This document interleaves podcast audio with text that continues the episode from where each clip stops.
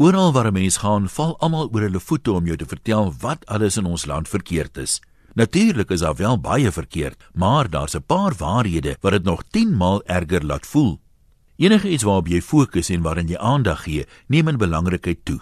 Die retikulêre aktiveringsstelsel of aandagsentrum in jou brein reguleer alle inkomende sensoriese stimule en filter dit sodat jy die dinge waaraan jy gereeld dink al hoe meer raak sien. As jy byvoorbeeld daaraan dink om 'n sekere motor in 'n spesifieke kleur te koop, sien jy dit skielik oral raak. Dit was reeds daar, maar omdat dit vir jou in belangrikheid toegeneem het, sien jy dit nou eers raak. Dieselfde gebeur as jy gereeld tyd deurbring saam met kermderms en begin saamkla. Jy sal altyd die negatiewe berigte wat daarbey inpas eers raak lees of raak luister, maar byna nooit die positiewe nuus nie. Dis hoekom ek pas weer baie hoop vir die toekoms van ons land gekry het. Ek was blootgestel aan 'n golf van positiwiteit.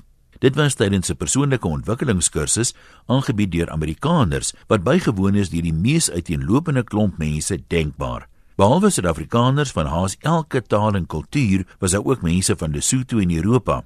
Beide geslagte was goed verteenwoordig en die ouderdomme het gewissel van tieners tot pensionaarsse.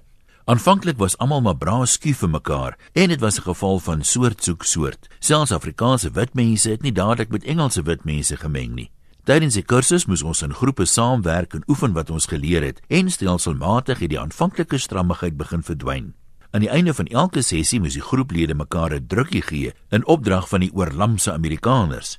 Dit was nogal 'n ongewone gesig om te sien hoe bejaarde swart en wit dames of ou oomies en jong gay mense van ander kulture mekaar omhels.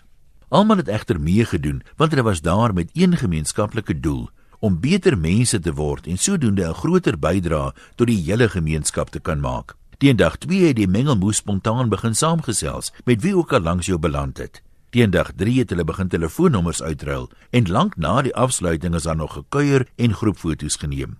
Dit was werklik spesiaal om te sien hoe nuwe begrip vir mekaar gebore word en hoe mense wat mekaar vroeër vermy het, nou spontaan omhels en bemoedigende woorde uitdeel.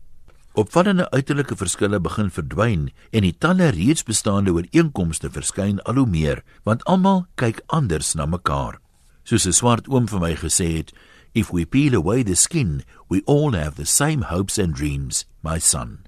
Nou moet ons nog net leer dat dit ook geld met die vel nog aan. Groete van oor tot oor. Antoniem